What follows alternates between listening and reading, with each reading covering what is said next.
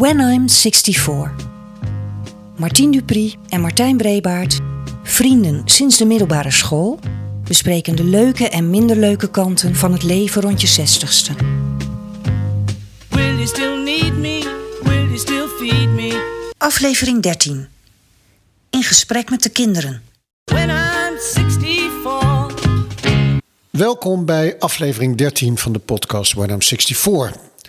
De titel van aflevering 13 is In gesprek met de kinderen. En Martien en ik hebben ons erg op deze aflevering verheugd. Maar het is ook een technisch en organisatorisch behoorlijk uitdagende.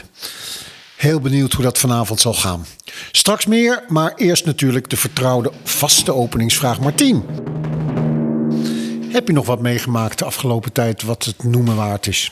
Ja, zeker. Ik had, ik had vanavond eh, het willen hebben over eh, een, bezoekje wat, eh, of nee, een bezoekje wat Marian en ik hebben gebracht aan Carré.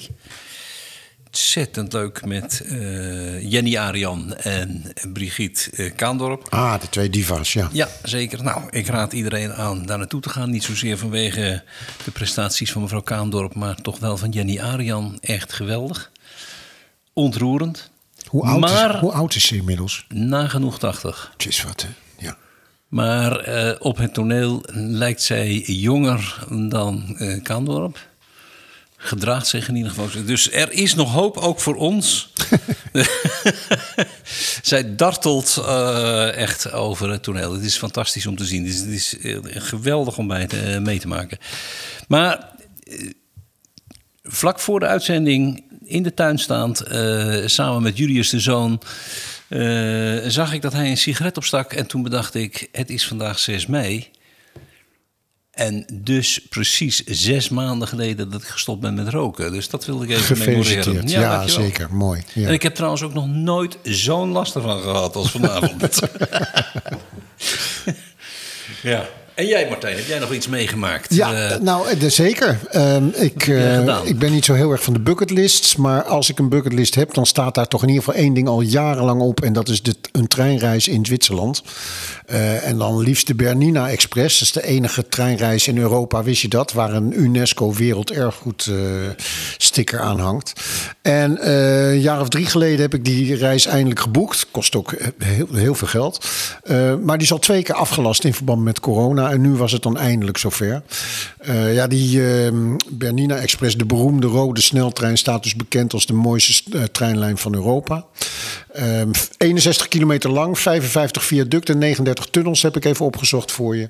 Eh, maar- 61 kilometer. ja, 61 kilometer maar.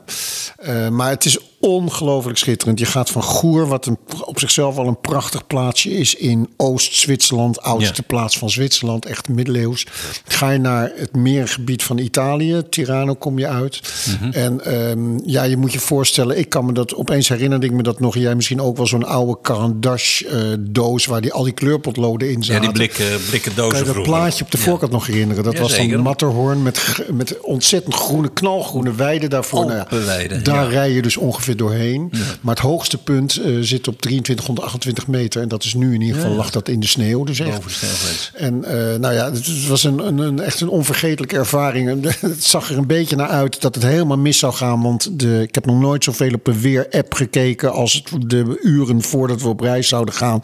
Want het zag er naar uit dat we in de mist zouden zitten. En dan kun je net zo goed eh, Ja. nou, van, van Steenwijk naar Assen rijden in de trein. Maar, Wat op eh, zich ook een mooie route is. ook een mooie route, zeker in de mist. Eh, maar wonderbaarlijk genoeg, op het moment dat wij in die trein zaten, in zo'n panorama-rijtuig, weet je wel, met overal eh, ramen.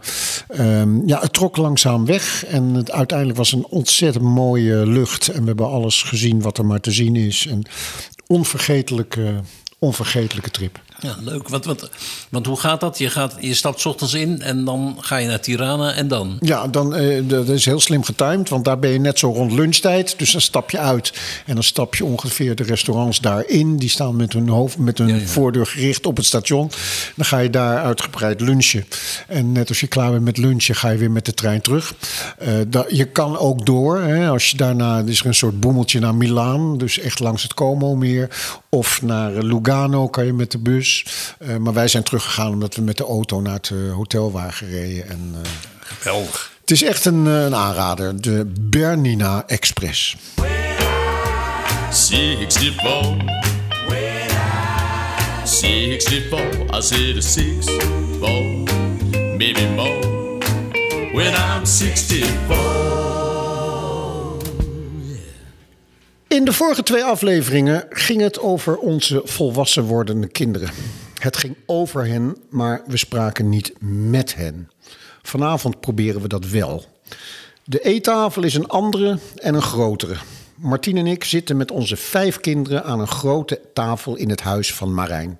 En Marijn, dat weten de vaste luisteraars, is de dochter van Martien die haar vader elke podcastaflevering een brief stuurt met indringende vragen. Vanavond zijn de indringende vragen echter niet voor ons, maar voor jullie, voor de kinderen. Uh, Martien en ik spraken erover hoe het is om je kinderen ouder te zien worden. Nu is het aan jullie om ons te vertellen hoe het is om je ouders ouder te zien worden. Dat, ik kan me voorstellen dat dat misschien niet altijd even makkelijk is. voor jullie niet, maar voor ons denk ik ook niet. Maar we zouden het erg leuk vinden uh, om, ja, om daar eerlijk antwoord op te krijgen. Uh, vaste items als het bloemetje van Martien en na het werk gaan we ook horen. De brief aan mijn vader is er vanavond niet, want de afzendster zit tegenover ons. De enige vrouw van het vijftal. Uh, voordat we aan de vragen beginnen, willen jullie jezelf even kort voorstellen. En dan beginnen we met Marijn, denk ik. Ja, Martijn, jeetje. Wat uh, bijzonder om nu met jullie aan tafel te zitten... in plaats van uh, aan mijn eigen keukentafel heel alleen mijn brief in te spreken. Ja, zeker. ja, ik ben Marijn, 36, dochter van Martien en dochter van Marian ook. En uh, ja, de zus van Joram en uh, Julius. Ik ben 36 en psycholoog, maar dat weten jullie allemaal al. Ja, ik wist het, ja. ja. ja. Aan wie geef je de beurt door, Marijn? Uh, zullen we oversteken naar David? Mijn oudste, ja. ja. Dat is goed. ik ben David, ik ben 23 en ik ben zoon van Martijn en zoon van Ziggy die niet zoveel met deze podcast te maken heeft. Um, maar ze ik, luistert vast. Dat denk ik ook. Ze is vaste luisteraar, weet ik toevallig. Um, ik studeer uh, planologie en politicologie. Um, ik denk dat dat voor nu wel even genoeg is, want we moeten het kort houden, heb ik gehoord. Dan geef ik hem door aan mijn broertje Milan. Ja, ik, uh, ik ben Milan, ook wel bekend als uh, de, de, zoon van meneer Brebaert of uh, broertje van David. en tevens ook de zoon inderdaad van Ziggy. Um, ik ben 20 en ik studeer media- en cultuurwetenschappen in Utrecht, waar ik ook woon. Dus ja, dat is voor nu denk ik ook wel genoeg. Nou, dan ga ik naar, naar rechts door, naar Julius. Ja, ik ben Julius. Ik ben 28 jaar, zoon van Martien en Marjan. En uh, ik ben fulltime werkzaam uh, als site manager voor een investeringsmaatschappij. En dan geef ik even het woord aan mijn uh, oudere broer. Last but not least, ik zal het zelf maar zeggen. Ehm, ik ben Joram, 33 jaar. Ik ben de zoon van Martien en van Marjan. en ja, ik werk bij Philips.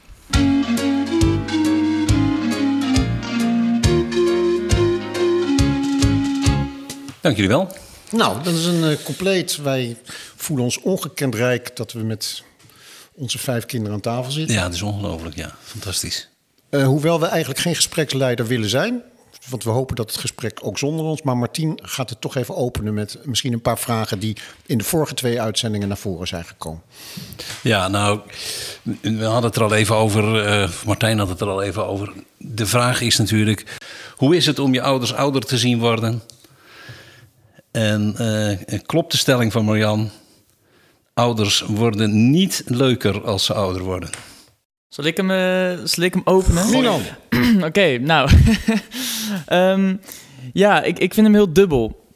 aan de ene kant, als je denkt aan het ouder zien worden van je ouders... en dan specifiek over jou, pap... Um, nou, dan, dan denk je natuurlijk snel aan de kwalen die komen kijken en zo... met, met bepaalde ziektes die komen kijken... en gewoon minder, minder veel kunnen doen op je leeftijd en, en met pensioen gaan en zo, wat ook niet altijd uh, een pretje is. Dat zijn natuurlijk over het algemeen hele negatieve dingen. Maar ik denk dat er ook wat eerder veel positieve dingen ook bij komen kijken. Bijvoorbeeld het feit dat, nou ja, dat, we, dat David en ik allebei op een punt zijn gekomen dat we met jou kunnen praten over dingen die jou ook daadwerkelijk interesseren. En, en zeg maar op hetzelfde level interesseren. Dus dat wij het nu met z'n drie over iets als muziek kunnen hebben, waar we alle drie grote interesse in delen. Dat is nu wel op een hele andere manier dan toen ik tien was of zo en heel erg Michael Jackson fan. Toen konden we het ook leuk over muziek hebben, maar dat is dan toch meer vanuit de positie van vader en zoon. Of deze podcast. Ja, precies. Ja, dit soort dingen. Ja, dus dat, je kan veel inhoudelijker, veel meer op een gelijk level over dingen praten. En ja, ja, ja, persoonlijk waardeer ik dat wel heel erg. En dat is wel iets wat misschien niet per se komt kijken bij het ouder worden van jou, maar wel het ouder worden van de kinderen. Dus, en dat gaat natuurlijk samen. Dus dat, eh, ja. Ja, ik deel jouw dubbelheid wel. En ik zat ook zo te denken toen eh, je die vraag stelde, pap. Toen dacht ik, ja, jij bent niet de enige die ouder wordt. Wij worden natuurlijk ook ouder. En, en dat sluit dan wel een beetje aan op wat jij zegt, dat gesprekken gelijkwaardiger worden.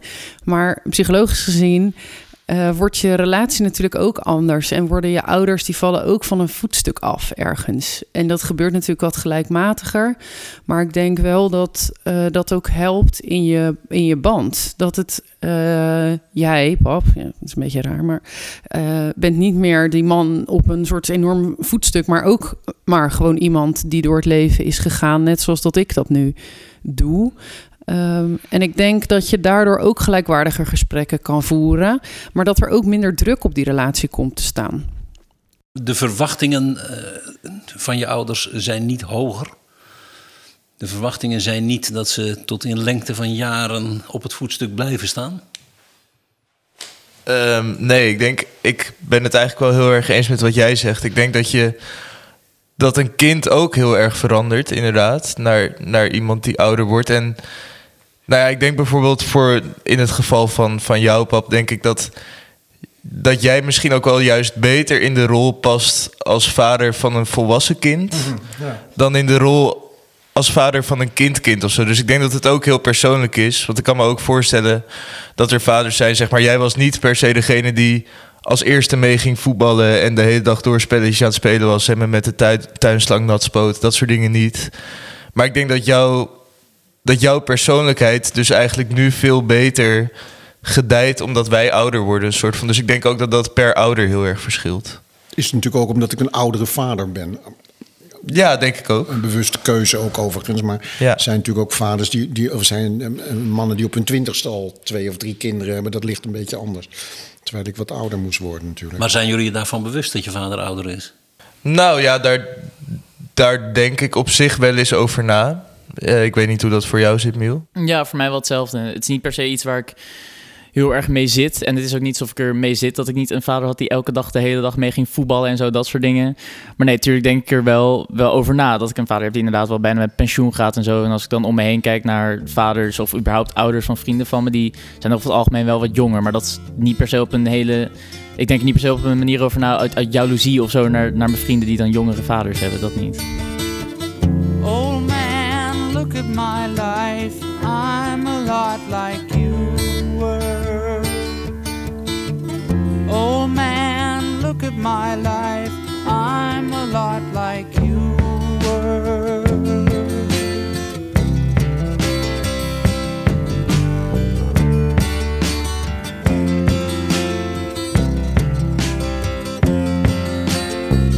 Old man, look at my life. 24 and there's so much more. Live alone in a paradise that makes me think of two. Love lost, such a cost. Give me things that don't get lost. Like a coin that won't get tossed, rolling home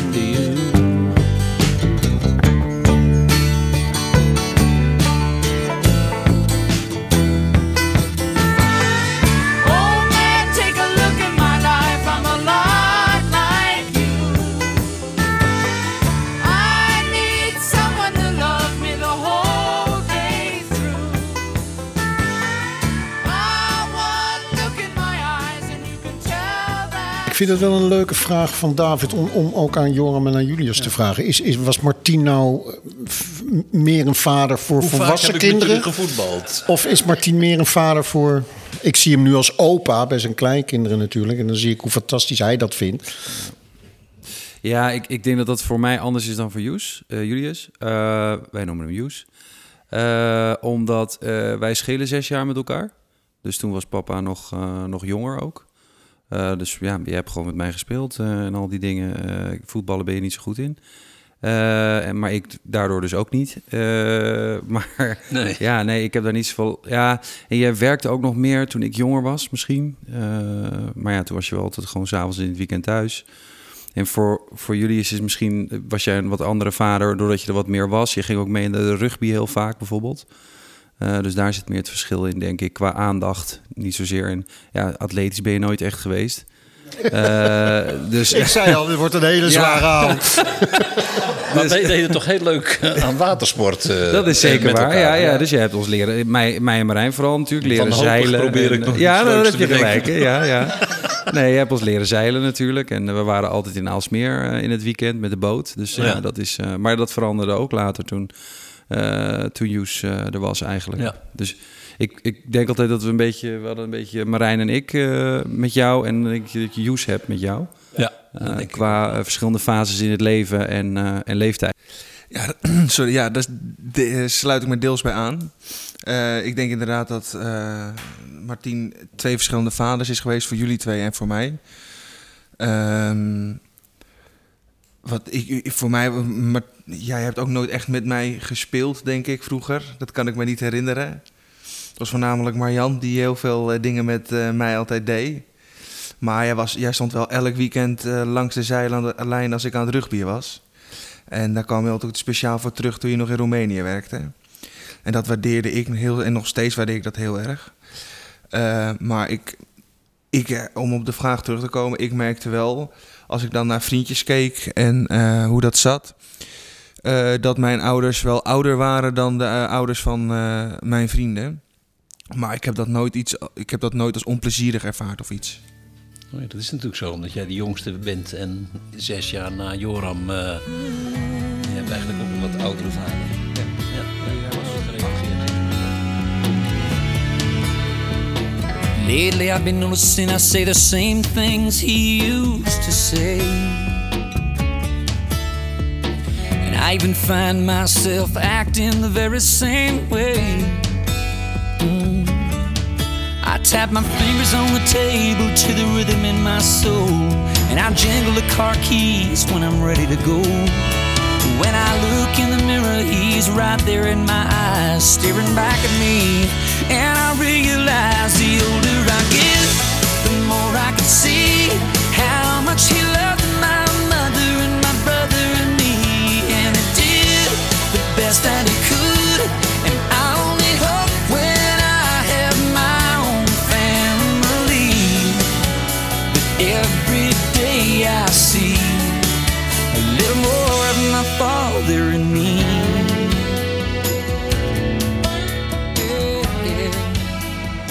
Ouder, eh, oudere vader, oudere ouder of niet. Eh, we worden dan eh, gezamenlijk toch ouder. En de vraag die wij aan jullie wilden stellen is... Hebben jullie wel eens over nagedacht? Hebben jullie wel eens een voorstelling ervan proberen te maken... hoe het zal zijn als wij ouder worden... en als wij zorg, enige zorg nodig hebben? En daaraan vast de vraag... vinden jullie dat we daar met elkaar over moeten praten? Ouders en kinderen.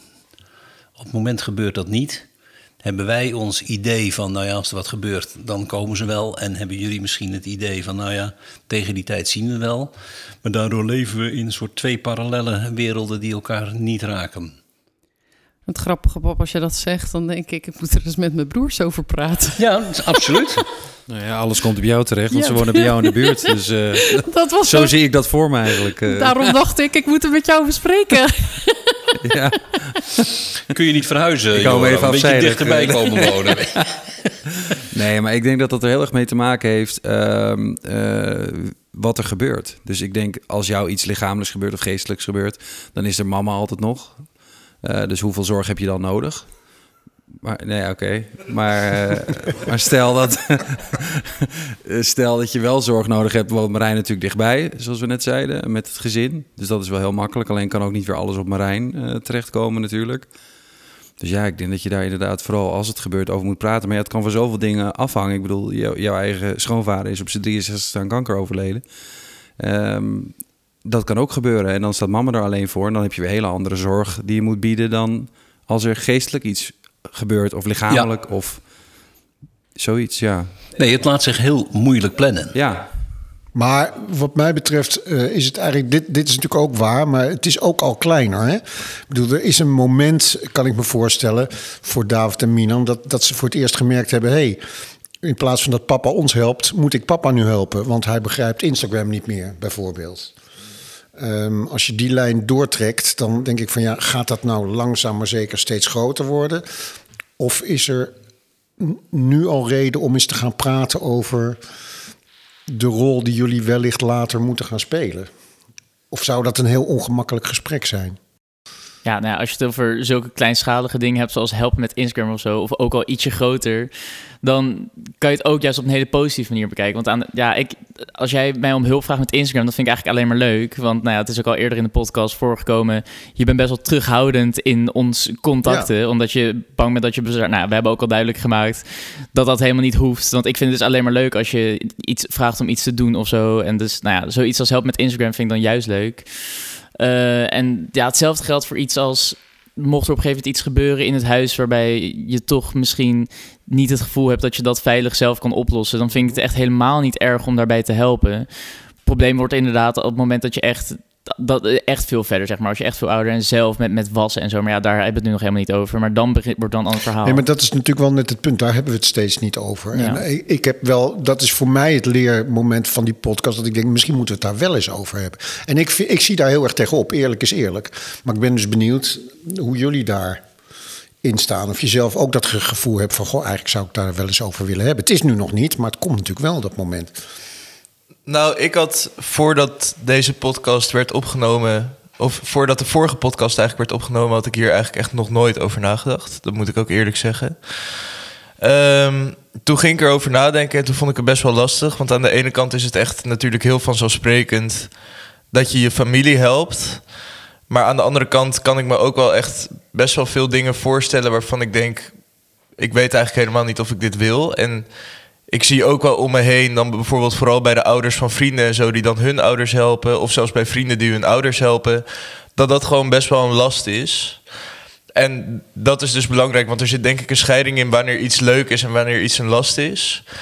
Ehm, en toen vond ik het nog steeds heel lastig om te bedenken wat ik nou persoonlijk zou doen. Of ik dat dan zou doen terwijl ik het niet, niet zo'n zin heb of wel.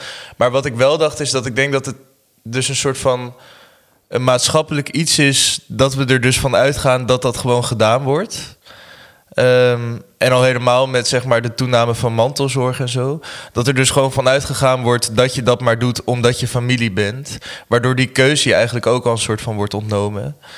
Ehm, dus daarom vind ik het ook goed dat we het hierover hebben. Omdat, er, omdat het dus de ruimte biedt om een soort van in ieder geval een keuze te hebben. Want ik heb het idee alsof in heel veel, vooral zeg maar bijvoorbeeld families waarbij familiewaarden heel belangrijk zijn. Dat die hele keuze er eigenlijk niet is. En dan nog steeds weet ik dus niet zo goed wat mijn keuze zou zijn. Ik denk dat ik in heel veel dingen je alsnog heel graag zou willen helpen. Eh, maar bijvoorbeeld dingen als jou onder de douche zetten of zo, of dat soort dingen, ja. Als ik heel eerlijk ben, denk ik dat er gewoon mensen zijn die dat ten eerste beter kunnen dan ik. En ten tweede denk ik dat het emotioneel best wel een, ja, best beladen is of zo. Ja, ik zou dat ook niet. Niet emotioneel zou ik dat ook denk ik niet aankunnen. Ook omdat dat dan de laatste soort van beelden dan zouden zijn die ik dan van je zou hebben en zo. Denk zoiets als onder de douche zetten, inderdaad, dat zou ik ook dan liever iemand anders gedaan willen. Maar ik heb ook, ik hecht weinig waarde aan dit, aan dat je er altijd voor je familie bent en zo. Maar zoiets als wel gewoon mantelzorg, ook op het punt dat het wel op een bepaalde manier een last wordt ben ik wel zeker bereid om dat te doen. En niet eens per se omdat je dan familie bent, maar meer omdat je zeg maar wel dat mijn vader bent, waar ik wel gewoon van hou en die me ook heeft opgevoed en zo. Dus dat ik daar dan wel zeg maar nog heel veel waarde aan hecht. Ja, ik zit een beetje te denken van, goh, er zit natuurlijk voordat je hè, het over die laatste fase hebt, daar zit denk ik vooral een enorme eh tijds, dat je inv- investeert in je eigen tijd. En heb je, ja, die vind ik ook wel lastig. Want je hebt ook, vaak komt het als je zelf een gezin aan het opbouwen bent en dat je ouders ouder worden. En dan moet je dus een soort balans gaan vinden tussen hè, nu ook nog je werk, je werk, je ouders, je eigen gezin. Ehm, en dan gaat het volgens mij niet per se over de handelingen, maar meer over die balans die je dan ook nog een soort moet weten te houden. En hoe kun je het daar ook over hebben? Van hé, hey, ja, ik zie dat ehm, mijn moeder alleen is achtergebleven. Die wil ik ook af en toe het huis uit. Hè, daar wil ik ook een keer een kop thee gaan mee gaan drinken op een terras. Zulke dingen. Maar tegelijkertijd heb ik ook nog een gezin. En hoe combineer ik dat dan? Ik denk dat daar ook al een heel ingewikkeld uh, stuk zit. Ja, ik denk dat voor mij inderdaad meer de balans zou zijn tussen fulltime werken, je partner, uh, eventuele kinderen in het verschiet en, uh, en de ouders inderdaad. Die allemaal tegelijkertijd ouder worden, inclusief jezelf. Dat, dat hele onder de douche uh, zetten, daar heb ik niet zoveel moeite mee, denk ik. Dat heb jij ook voor je vader gedaan, Martien. Um, en ik, ik zou dat ook wel doen, denk ik. alleen heb je het dan echt over de laatste fase. Maar volgens mij hadden we het nu meer over de fase, de weg daar naartoe. We gaan luisteren naar de boekentip van Francisca Kramer. Met 70 over de snelweg is de titel van het boek van Yvonne Prins. En sluit denk ik mooi aan bij deze aflevering, want het gaat over mantelzorg. Ja, dat begint vaak met een keertje boodschappen doen, daarna helpen met administratie. En langzaam maar zeker kan het zijn dat je ouders meer en meer hulp nodig hebben bij de dagelijkse dingen. Mijn eigen vader overleed in 2019 en ik herinner me nog goed die keer dat ik hem in het laatste jaar meenam om een taartje te eten. En hij met zijn rollator naar de wc moest en nogal lang wegbleef. Toen ik ging kijken had hij een ongelukje gehad, zoals we dat eufemistisch noemen. En eenmaal terug uh, in het verzorgingstehuis heb ik hem helpen douchen, schone kleren aantrekken. En dat was best wel een moment, want mijn vader die schaamde zich en probeerde dat weg te lachen met een grap. En ik praatte maar een beetje over mijn eigen ongemak heen. Dat het niet erg was, dat het nou eenmaal kon gebeuren. Maar terug in de auto heb ik behoorlijk gehuild. Want mijn eens zo sterke, onafhankelijke vader was ineens een klein jongetje geworden. Dat in zijn broek had geplast. Nou, dit was uh, herkenbaar bij uh, mijn broers en, en, zussen. Ze hebben allemaal wel dit soort momenten gehad. En dit boek kwam ik op het spoor dankzij mijn zus Nettie... die destijds veel mantelzorg verrichtte voor mijn vader. Ik denk dat ze wel een miljoen batterijtjes voor zijn gehoorapparaat heeft gekocht... en is ook veel met hem gaan winkelen. Voor nieuwe kleding bijvoorbeeld, of een, een, een bril. En in dit boek van Yvonne Prins... worden al die verschillende gebeurtenissen in het mantelzorgtraject beschreven... Maar ook hoe je er bijvoorbeeld mee kunt omgaan als je ouders geen hulp willen aannemen. Terwijl jij duidelijk ziet dat het niet goed gaat. Of als jij ineens heel veel op je gaan leunen, hoe bewaak je dan je grenzen?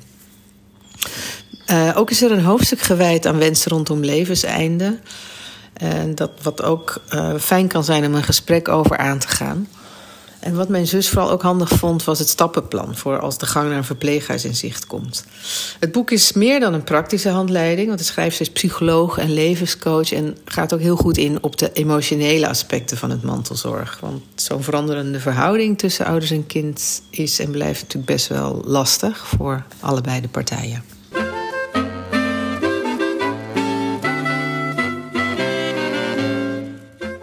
Is het voor jullie allemaal uh, een vanzelfsprekendheid dat als het zover komt, dat jullie dan het gevoel, ja logisch, wij zijn de eerst aangewezen uh, uh, mantelzorgers, of niet? Ja hoor, ik wel. Julius? Zeker, absoluut. Ja? Ja, ja absoluut. Jullie hebben jarenlang voor ons gezorgd. Nou ja, ja en, en voor ik, open oma. En voor open oma, ja. ja. Ik, ik, misschien heel gek, maar ik zie de hele tijd voor mij, in de, en dan hebben we het wel over de laatste jaren en ook eigenlijk daarvoor uh, vooral hoe jij en mama uh, en jouw zus zo vaak um, naar uh, oma zijn gegaan. Vooral na het overlijden van jouw vader. En, um, en hoe jij ook ons drieën, dus Joram en Marijn, daarmee naartoe nam. En het was voor ons ook eigenlijk helemaal geen moeten om naar oma te gaan. Nee. Maar dat vonden wij juist heel leuk, fijn. Waardoor toen oma wel in een verzorgingstehuis zat, wij ook los van elkaar, los van jullie, langs oma gingen. Omdat wij dat gewoon belangrijk vonden en dat hoorde zo. Dus maar ik vind toen was niet... het ook niet meer zo leuk. Nee, maar ja, goed, dat, dat had meer te maken met de laatste fase. Nou, het, het rare is dat eh, als het over eh, die, die zorg gaat, mantelzorg van de week op de radio, dan gaat het over in, in de westerse cultuur over de last die wij daarvan ervaren. Terwijl eh, het schijnt dat in de Marokkaanse cultuur. Die mensen hebben veel meer, eh, die houden zich veel meer bezig met de praktische kant van de dingen. Want de last ervaart men helemaal niet. Ja, e- even, want ik vond het wel grappig. Julius sluit eigenlijk aan op iets wat Leonie vorige week gezegd heeft. En dat herken ik ook. Die, die, eh, inderdaad, als je die mantelzorg alleen maar als last ziet... het kan ook een bepaalde eh, zingeving hebben. Hè? Ik, ik doe dat dan voor mijn moeder. Ik zit in een soort sandwichmodel. Ik heb het met jullie over mogelijke mantelzorg naar mij toe... maar ik geef ook nog mantelzorg aan mijn moeder. En zoals je misschien weet ga ik daar iedere week piano spelen met die ouders. Ik vind dat een fantastische middag. Ik zie er wel eens tegenop om er naartoe te gaan... want inderdaad, kost tijd, weet je wel. Van shit, ik moet ook nog andere... Maar op het moment dat ik daar zit, dat is echt een hele mooie iets... Nou, het punt wat ik net dan probeerde te maken... ehm, draait ook niet per se om of ik het dan zou doen of niet. Maar meer dus dat ik, dat ik voel dat ik een soort van een beetje iets heb tegen het idee... dat jullie hebben voor ons gezorgd, dus wij moeten voor jullie zorgen. Waardoor dus eigenlijk die last wordt... en waardoor die keuze dus wordt afgenomen. Dat idee heb ik. En op het moment dat je dus die keuze hebt... dan denk ik dat het ook eerder aantrekkelijk is om dus die keuze te maken van ik wil voor mijn vader zorgen, want ik hou van mijn vader en wat jij zegt, wat jij doet in dat verzorgingstehuis, daar zou ik ook voldoening uit kunnen halen. Maar dus juist die vanzelfsprekendheid en misschien ook wel juist dus wat jij bedoelt in de Marokkaanse cultuur, want daar dacht ik zelf ook over na. Dat is dus iets waar ik best wel benauwd van word. Dat er dus vanuit wordt gegaan dat je voor Je hebt geen keuze. moet ja. En dat is het punt wat ik vooral probeerde te maken, dat die keuze ontbreekt. Nou ja, dat is natuurlijk het, vervelende van het, het, wegvallen van het bejaardentehuis. En eh, zo lang mogelijk die ouderen maar zelfstandig zogenaamd eh, eh, thuis laten wonen. Want zolang ze zogenaamd zelfstandig thuis wonen, hebben ze al die zorg van die familie nodig. Of van de thuishulp. Maar die thuishulp komt niet vanzelf. Die moet die familie op gang brengen. Dat, dat is een dagtaak. Ja, dat is de grote mythe van het ouderen willen langer thuis wonen. Absoluut. Ja. Ik zou eigenlijk nog even, ehm, ehm, ehm, Milan bijvoorbeeld. ehm, wij denken misschien ten onrechte, als je het dan toch even hebt over het moeilijke moment dat je bij wijze van spreken je, je, je vader of je moeder niet meer zinnelijk is en dat, op, dat het op jou terechtkomt, dat dan ten koste van de waardigheid of het respect gaat of zo. Nou is het natuurlijk moe- moeilijk om je daar nu een voorstelling bij te maken. Maar Leonie zei verleden week dat ze dat, dat niet voelde bij eh Heika. Hè? Dus haar moeder, die nu natuurlijk ook helemaal aan haar zorg is overgeleverd. Maar kun jij je daar iets bij voorstellen? Zo- Zoals, eh, ik weet niet meer wie dat net zei, maar het moment komt dat je mij echt zo zou moeten verzorgen dat er misschien van een intimiteit sprake is die helemaal niet gebruikelijk is tussen ons? Ja, ik zou. Ik, ja, ik kan me dat niet echt zo letterlijk voorstellen dat we op dat punt. Ja, ja, ik vind het lastig, want ik zie het niet echt voor me, maar ik kan me natuurlijk wel voorstellen dat we uiteindelijk op dat punt komen. Eh, nu heb ik persoonlijk gewoon, is er iets van een zwak in mij met, met, met ouderdom en, en hele oude mensen. En bijvoorbeeld een, be- een bepaalde uitzichtloosheid. Ik weet ook nog de eerste keer dat wij naar het uh, dementenhuis gingen van oma Heika. Dit weet je volgens mij ook helemaal niet, maar ik heb toen heel erg zitten huilen, want ik kon het helemaal niet aan. Ik vond het echt vreselijk om allemaal te zien. Dus ik denk dat daar misschien ook wel een bepaalde angst bij mij vandaan komt. Dat ik gewoon dat beeld niet wil. Dat ik zeg maar, dat, ja, maar dat ik ook weet dat als dat moment er eenmaal aankomt en er is geen beter alternatief waar jij ook voor open staat, dat ik zeker wel bereid ben om te doen. En ook een beetje aansluitend op wat net allemaal werd gezegd. Ik denk dat je ook gewoon zelf heel erg kan invullen hoe die mantelzorg eruit ziet. Dus ja, inderdaad, als je het gaat zien als echt een last en alleen maar die vervelende taken, zoals onder een douche zetten, dan wordt het ook echt een last. Terwijl je kan ook gewoon nog samen leuke dingen doen, zoals dus wat jij zegt, piano spelen en zo. Dat kan ook met, ik kan ook met jou nog leuke dingen doen, ook op het moment dat jij al veel ouder bent. Ook al is het maar onze favoriete films nog terugkijken en zo. Dat sluit dan ook weer aan bij het piano spelen van oude nummers, ook weer een beetje die herinneringen van vroeger ophalen. Dus ik denk dat het gewoon heel erg ook afhangt van hoe je het zelf invult. En ik sta er wel open voor. Dus dat... En het is natuurlijk ook waar dat je als mantelzorger wel degelijk kan zeggen tot hier en niet verder. Hè, ik bedoel, misschien voel je die ethische druk wel, maar je kunt ook zeggen, zoals Leonie verleden week zei, van ja, dat zijn dingen waar we gewoon de professionele zorg voor, uh, voor inschakelen, bijvoorbeeld. Ik vind het eigenlijk wel mooi hoor dat jij zegt van ja, ik voel een soort verplichting die ik eigenlijk niet wil voelen. Want dan voel ik ook de ruimte om het leuk te vinden. Ja, Ik denk ook dat het iets lastigs is, wat je natuurlijk hoopt en vreest tegelijk, is dat het een beetje vanzelf gaat. Hè? Dat het steeds een stapje verder gaat. Ik woon inderdaad het dichtst bij eh, mijn ouders. Ehm, en ik voorzie zo dat ik op een gegeven moment eh, Joram en misschien ook Julius eh, moet bellen van ja, jongens, zo gaat het eigenlijk.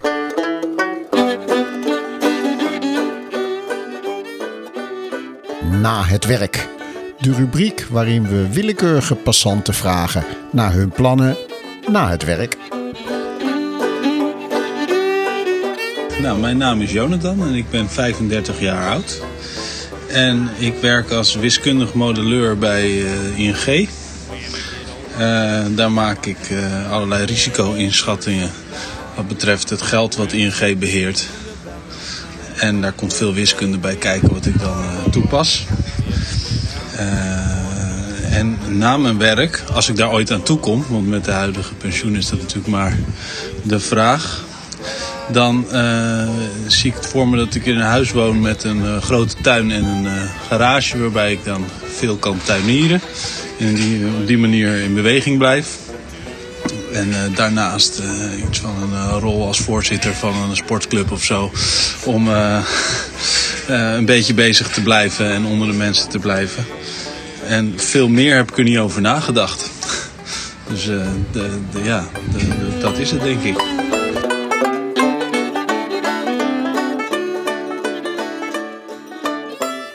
Maar de, de vraag is natuurlijk, voel je je, want eh, we gaan ondertussen verder, voel je je vrij?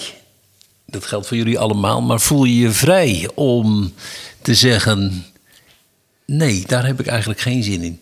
Ik wil best samen met jou, eh, dus wat- ik met mijn moeder deed, in de rolstoel eh, door Amstelveen eh, lopen. Prima. Maar ik ga je niet eh, in bad doen, ik ga je niet onder de douche zetten. Voel je je daar, voel je je daar vrij in? Nou, ik voel me in ieder geval vrij om samen naar een alternatief te zoeken. En om wel aan te geven dat jij niet comfortabel bij voelt. Maar misschien op het moment dat je weet dat er niet een beter alternatief is, wat ik me niet echt kan voorstellen, dat je dan wel nog misschien over je eigen grenzen zou moeten gaan. Ja, ik denk dat dat dus wel gebeurt. Ja, nou, ik denk dat er twee manieren zijn hoe je je daar dus vrij in kan voelen. En ik denk vanuit jou, pap, ik denk dat jij daar heel erg voor open zou staan. Omdat jij zelf daar ook al voorzichtig mee bent. Ehm, dus daarin voel ik, voel ik me er zeker vrij, ja. Ehm, maar ik denk de maatschappelijke druk, dat die eigenlijk veel groter is. En jullie hadden het volgens mij de vorige uitzending ook over die, dat boek van Marcel van Roosmalen over Ja. zijn moeder. En dat hij toen ontzettend veel... eh, Afgefakkeld. helemaal afgefakkeld is. Zeg maar, dat is, dat is eigenlijk precies wat ik bedoel. Met dat dus die maatschappelijke druk zo groot is... dat dat dus iets zou zijn wat mij zou tegenhouden om dit soort dingen uit te spreken. Ja, dat begrijp ik wel. Ik heb een eh, andere mening daarover. Maar Nee, het is, het is- Nee, ja, is ik, juist ik- leuk. ik vind de ethische druk wel helder. Net zoals dat ik nooit heb ge, gepubert of zo. Ik, ik vind het wel helder dat er een bepaalde verwachting ligt. En ik vind het ook niet gek dat je daarvan uitgaat, eerlijk gezegd. En dat klinkt heel makkelijk, want ik heb een vrij Nee, maar die, die, die, die zorg wordt jullie Maar- natuurlijk opgedrongen door het erg. ontbreken van zorg van staatswegen, zal ik maar zeggen. Ja, maar we zeggen ook net met z'n allen dat er wel alternatieven zijn. Dus op zich is die druk er dan ook weer niet echt. Dus ik, ik vind ook wel dat er vanuit een kind een bepaalde verwachting mag zijn vanuit de ouder, eerlijk gezegd. Ja, zoals toch, jullie toch dat ons moet hebben ik- geleerd, wat jullie eens net aanhaalden met open oma. Ja, maar toch, eh, met mijn moeder, dat weten jullie nog wel. Eh, en Ik heb het vorige keer volgens mij ook gezegd. Mijn moeder was een soort eh, redelijk trotse eh, vrouw. En Nou, was een trotse vrouw. Ja, Zo zoon, zo moeder, zou ik ja, zeggen. En die kreeg, ja, maar die kreeg thuishulp. En die stond zich dus, net zoals het in die SP-spot eh, was, elke dag voor een ander uit te kleden. ja. Elke dag opnieuw. Eén, twee keer per dag. En ik heb toen toch niet ingegrepen door te zeggen: ik ga het wel doen. Nou, wat mij zo verbaast, eerlijk gezegd, is dat jij zo verbaasd bent. Want Ja. waar eh, heb jij zelf me- eh, met je moeder hierover gepraat, bijvoorbeeld? Dat we weten dat Martijn dat niet heeft gedaan. Precies. Dat is geen Ja, gespreksonderwerp en- vroeger. Nee, daarom. Dus ik denk ook, wat, wat jij zegt... ik denk ook dat het heel erg met hoe je bent opgevoed... en wat voor gezinssituatie je hebt gehad te maken heeft. Eh, Ja, maar mijn ouders, wisten, mijn ouders wisten niet. Kijk, bij mijn vader heeft het niet meer gespeeld, maar mijn ouders wisten niet dat er een tijd zou komen dat eh bejaardentehuis en langzaam over naar meer intensieve zorg. eh, een- het bejaardentehuis eh, niet meer zou bestaan. Maar dat heeft jouw moeder toch met haar moeder precies hetzelfde meegemaakt? Ja. Mm, Ja, nou, dat, dat is iets Ja, maar ik, ik vind het punt wat Joram maakt wel een Ja. hele interessante. Want ook daar hadden we het verleden week met Leonie over. Eh, we hebben natuurlijk die opkomst van de mantelzorg gezien. Ehm, en, ehm, daar, en ik ben een van de mensen die daar ook wel eens, eerlijk gezegd, ook wel eens grote moeite mee heeft. Ehm, maar misschien kan je ook zeggen van ja, we waren toch ook iets van de vanzelfsprekendheid van de verzorging van de familie kwijtgeraakt. Hè? Als je dat nou vergelijkt met, nou ja, ik noem maar wat, eh, hoe dat in Afrika gaat, waar het veel gebruikelijker is dat kinderen, daar wordt eigenlijk niet over gepraat. Als kinderen neem je ouders in huis en verzorg je die verder. En dat is bij ons dan misschien een beetje van bovenaf opgelegd, maar op een bepaalde manier was dat misschien wel nodig om dat gevoel weer terug te krijgen. Ja, ik, ik werk in een internationale omgeving. En buitenlandse collega's, een van de dingen, als ze ons ka- karakteriseren, is dat zij het heel raar vinden dat wij be- bejaardenhuizen hadden. Eh, je, hoeft niet, je hoeft niet eens zo ver te gaan als Afrika. Ook in de mediterrane culturen is het volstrekt normaal dat jij eh, moeders in huis neemt uiteindelijk, Ja. schoonmoeder of, eh, of moeder.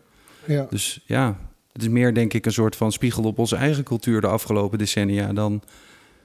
Ja, Nou ja, daar speelt natuurlijk wel mee dat tegelijkertijd met de opkomst van zeg maar, de, min of meer verplichte mantelzorg van familie, eh, vrienden, kennissen. eh, tegelijkertijd is natuurlijk eh, iedereen gaan werken. In, in de zin van ook de vrouwen zijn gaan werken. Zoals Marijn vroeger altijd zei, tussen acht en vijf bestaat het gezin niet meer. Dan is het gezin, althans, het gezin is gesloten. Mijn moeder eh, werkte dan wel bij mijn vader op de, op de kwekerij. Maar in principe eh, konden ze gewoon de hele dag, als ze dat wilden, eh, ook haar moeder verzorgen. Of eh, naar haar vader toe, of dat soort dingen. Dat bestaat natuurlijk helemaal niet meer. Ja, maar dat heeft ook te maken omdat die tijd, zoals je ze- zelf al zei, totaal anders is. Ja. Jij had in die tijd, wat ik van de verhalen van jou ken, geen goede band met je ouders. Volgens mij zat jij vaker bij Martijn thuis in die tijd dan dat je bij je eigen ouders Ik had zat. een hele goede band met mijn ja, ouders. Ja, ja, nee, maar dat, dat, is, dat, dat is natuurlijk totaal anders. Wij, wij zijn zo door jullie. Ik, mijn mening is dat ik het niet inderdaad niet meer dan normaal vind om het later te doen. En ehm, ik het ook meer als een belediging zou vinden als, dat niet zou, als ik dat niet zou mogen doen.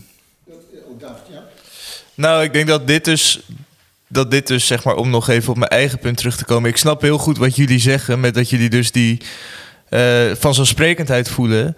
Eh, maar dat heeft dus denk ik ook te maken met hoe je dat zelf hebt meegekregen van Ja. huis uit. Absoluut. En ik denk dus dat op het moment dat je dat anders hebt meegekregen, maar je voelt dus wel die verplichting, dat het dan dus als een last kan gaan voelen. Nou, veel te snel wat mij betreft. Maar eh, we moeten er een eind aan eh, breien in verband met de lengte van de podcast. Ik heb het, eh, en ik weet zeker Martien ook, een ongelooflijk mooie avond gevonden aan de tafel van Marijn. En ik ben jullie allemaal heel erg dankbaar voor jullie eh, bijdrage. En het was een, was een mooi, voor je niet Martien? Het was een mooie, mooie Ja, avond toch? ontroerend mooi. Oké, Zeker. goed. Bloemetje van, bloemetje van, het bloemetje van Martien. Vanavond eh, een gedicht van Eddy van Vliet. Ik heb het zelf ook na moeten zoeken. Een, eh, een Vlaming. In 42 geboren in Antwerpen. In 2002 overleden. Dichter en advocaat. Eddy van Vliet. En het gedicht heet Vader. Vader, ontkleed je. Nu het nog kan. Toon mij wat de tijd heeft aangericht sinds wij samen in bad zaten en ik bewees dat waterdruppels elkaar willen raken. Schaam je niet. We hebben dezelfde structuur. De benen, de rug, de nagels en ontelbare gebaren. Ik wil geen 27 jaar wachten alvorens te zien hoe ouderdomsvlekken zich verspreiden, de huid verslapt en aderwanden het begeven. Wijs mij wat er rest als de liefde niet langer wordt bedreven.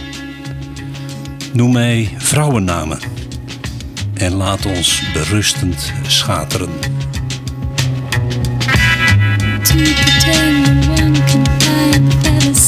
in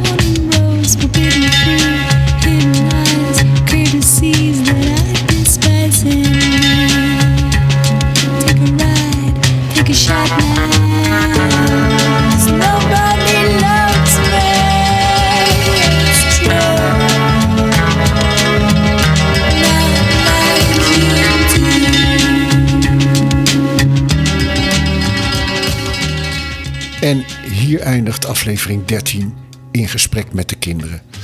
Maar we hebben een bonus, want het gesprek leverde zoveel moois op dat we het niet over ons hart konden verkrijgen om dat allemaal terug te monteren naar 20 minuten. Vandaar dat je ook nog naar aflevering 13b kunt luisteren en die is getiteld Verder praten met de kinderen. Heel veel plezier en tot over drie weken. 64? Oh yeah, when I'm 64. Oh yeah, when I'm 64.